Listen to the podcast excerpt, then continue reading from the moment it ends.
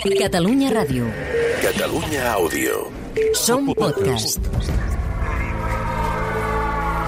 Пропоную Російській Федерації обміняти цього важко. Всі решта тіл, які ми зібрали В по каждом, місту, почти в каждом дворе есть захороненные м, Yes, I called it genocide because it's become clearer and clearer. La guerra al dia. Amb Albert Mercader.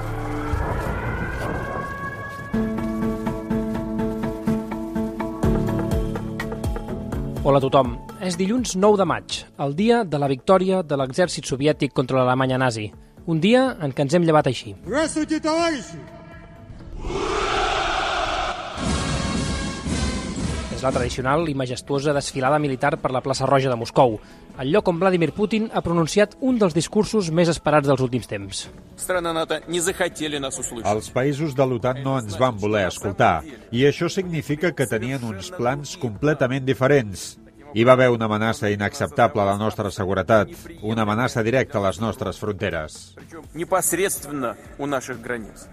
Ja ho sentiu, Finalment, ni declaració formal de guerra ni mobilització de reservistes. Putin s'ha limitat a justificar la invasió d'Ucraïna, diu, per motius de seguretat i a culpar l'OTAN del que està passant. Ha dit literalment que la guerra era l'única solució correcta i tot plegat amb una comparació constant d'aquesta guerra amb la Gran Guerra Pàtria, és a dir, amb la Segona Guerra Mundial i la seva lluita contra l'Alemanya nazi. Тем, что мы их наследники. És el nostre deure honrar la memòria dels que van aixafar el nazisme.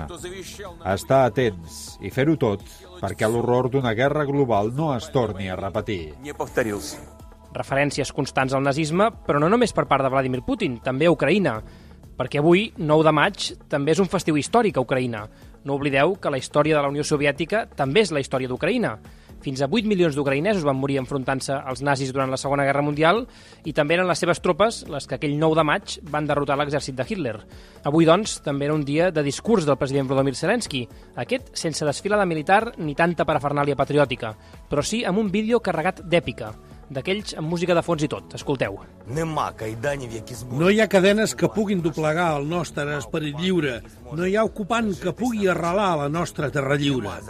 Tard o d'hora nosaltres guanyarem. Malgrat les ordres invasives, malgrat el nazisme, malgrat la barreja dels dos que ara tenim com a enemic, nosaltres guanyarem, perquè aquesta és la nostra terra. Ara és Zelensky qui acusa l'actual Rússia de nazisme. Queda clar que els ucraïnesos no pensen regalar al seu enemic actual el llegat de la victòria contra els nazis. I no donarem a ningú ni un tros de la nostra història. Estem orgullosos dels nostres avantpassats que, juntament amb altres nacions de la coalició anti-Hitler, van derrotar el nazisme. I no permetrem que ningú s'anexioni aquesta victòria. No permetrem que ningú se l'apropiï. Molt aviat hi haurà dos dies de la victòria a Ucraïna déu nhi quin batibull d'acusacions creuades. Per uns, els nazis són uns, pels altres, els nazis són els altres. Potser ja començaria a tocar que tots plegats els deixessin d'una vegada a la paperera de la història, que és on han d'estar, i no frivolitzessin més amb una etapa tan negra de la història com va ser aquella. I així és com s'ha rebut tot plegat avui als carrers de Kif. He sentit el que ha dit Putin aquest matí. Què puc dir? Només desitjar-li que desaparegui. No hi ha hagut res de nou. Una altra vegada mentides, mentides i més mentides. Només parlen d'ells per mirar de trobar explicacions al que fan. Res de nou. Només grans mentides. Tinc dos fills al front de guerra, un d'ells ferit. Només li desitjo a Putin que es mori. No, però Putin... Esperàvem que avui Putin fes més referència a la guerra, però no ha dit res. És perquè no li queden recursos. El discurs de Zelensky m'ha agradat molt en general. Estic orgullosa del nostre president. M'agrada molt, encara que jo no el vaig votar. Ara el veig com un home de veritat que defensa el nostre país. M'agrada molt el president Zelensky. Sempre escoltem els seus discursos i el d'avui també. Té tot el nostre suport perquè és el nostre president i és el nostre país. Pel que fa a Putin i a Rússia, millor que no digui què en penso. Podría anunciar eh, la guerra oficialmente contra Ucrania o, por ejemplo, decretar la movilización total en su país. Eh, después de escuchar este discurso, eh, puedo decir que yo de verdad no oí nada de nuevo. Todo el, el discurso estaba basado sobre las manipulaciones de siempre. I nosaltres, per desxifrar una mica més les claus d'aquests discursos, avui ens volem ajudar de l'Alexander Slivchuk. Ell és analista polític a l'Institut Ucraïnès de Política Internacional.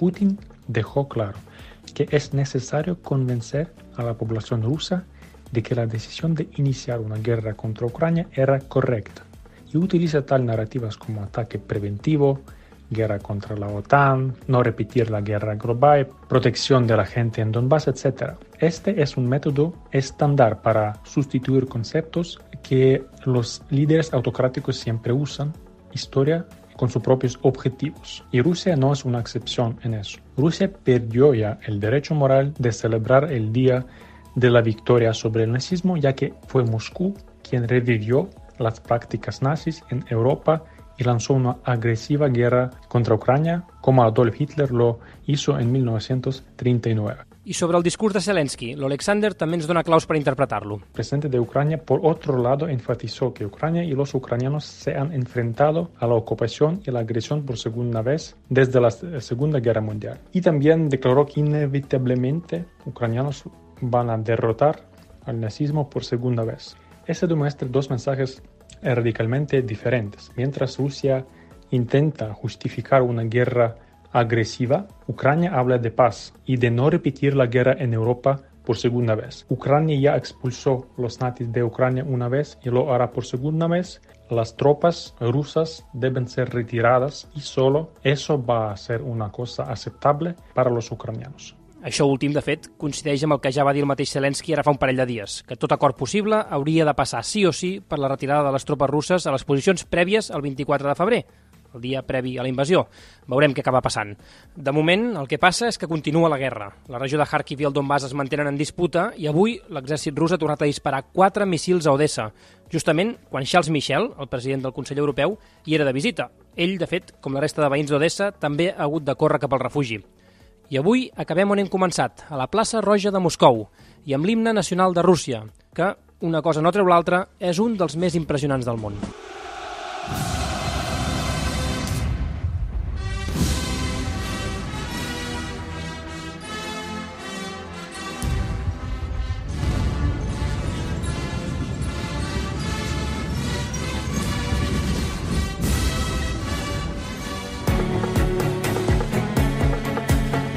Guerra al Dia és un podcast dels enviats especials de Catalunya Ràdio a la Guerra d'Ucraïna.